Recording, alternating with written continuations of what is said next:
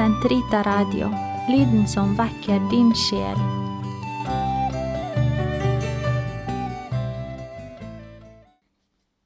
Den katolske kirkes katekisme, uke 17, onsdag, paragraf 1312 til 1321. Den som forretter ved ferming. Det er opprinnelig biskopen som forretter ved ferming. I Østen er det vanligvis den prest som meddeler dåpen, som også umiddelbart etterpå meddeler fermingen under en eneste feiring. Han gjør det imidlertid med hellig olje som er blitt vigslet av patriarken eller biskopen, noe som styrker kirkens apostoliske enhet. Enhetens bånd styrkes ved fermingens sakrament. I den latinske kirke følger man samme skikk ved voksendåp eller når noen som er døpt i et annet kristent samfunn som ikke har noen gyldig fermingssakrament, gis adgang til kirkens fulle fellesskap. I den latinske ritus er det biskopen som er den ordentlige forretter ved ferming. Selv om biskopen av tungtveiende årsaker kan gi prester fullmakt til å ferme, bør han, på grunn av meningen med dette sakramentet, selv meddele det idet han har for øye at dette er årsaken til at fermingen ble adskilt fra dåpen i tid. Biskopene er apostlenes etterfølgere og har mottatt ordinasjonens sakrament i dets fylde. Når de meddeler fermingens sakrament, viser det at de som mottar det, knyttes nærmere til Kirken, til Kirkens apostoliske opprinnelse og til dens utsendelse for å vitne om Kristus. Når en kristen er i dødsfare, skal enhver prest meddele vedkommende fermingen. Kirken vil nemlig ikke at noen av dens barn, selv de aller minste, skal forlate denne verden uten å ha blitt fullkommengjort ved Den hellige ånd med Kristi fyldes gave. Kort sagt Apostlene i Jerusalem fikk imidlertid vite at Samaria hadde tatt imot Guds ord.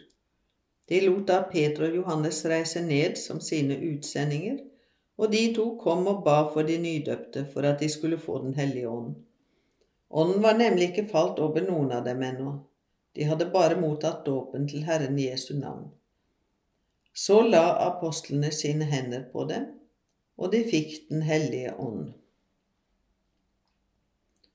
Fermingen fullbyrder dåpens nåde. Den er det sakrament som gir oss Den hellige ånd for å grunnfeste oss sterkere i barnekåret hos Gud, innlemme oss fastere i Kristus, styrke båndet til Kirken, gi oss større del i den sendelse og hjelpe oss til å vitne om kristentroen ved ord, ledsaget av gjerning. På samme måte som dåpen preger fermingen inn i den kristnes sjel et åndelig tegn eller uutslettelig karakter. Derfor kan dette sakramentet bare mottas én gang i livet. I øst meddeles dette sakramentet umiddelbart etter dåpen.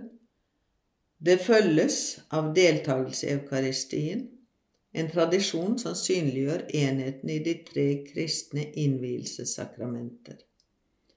I den latinske kirke meddeles sakramentet når vedkommende har nådd skjellsår og alder, og feiringen av det forbeholdes vanligvis biskopen, noe som viser at det styrker båndet til kirken.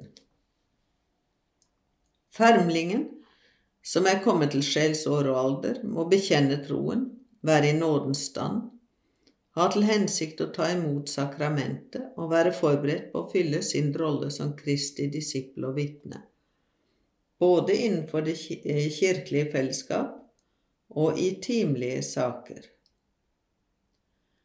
Den vesentlige rite i fermingen er salving med hellig krisma på den døptes panne, i Østen likeledes på andre organer, samtidig som den forrettende legger hånden på hans hode og uttaler ordene «Archipe, signaculum doni spiritus sancti. Ta imot Guds gave, Den hellige ånds innseil, i den romerske ritus, eller seil på Den hellige ånds gave i den bysantinske. Når fermingen feires adskilt fra dåpen, uttrykkes dens forbindelse med dåpen bl.a. ved fornyelse av dåpsløftene. Ferming under eukaristien bidrar til å understreke enheten i de kristne innvielsessakramenter.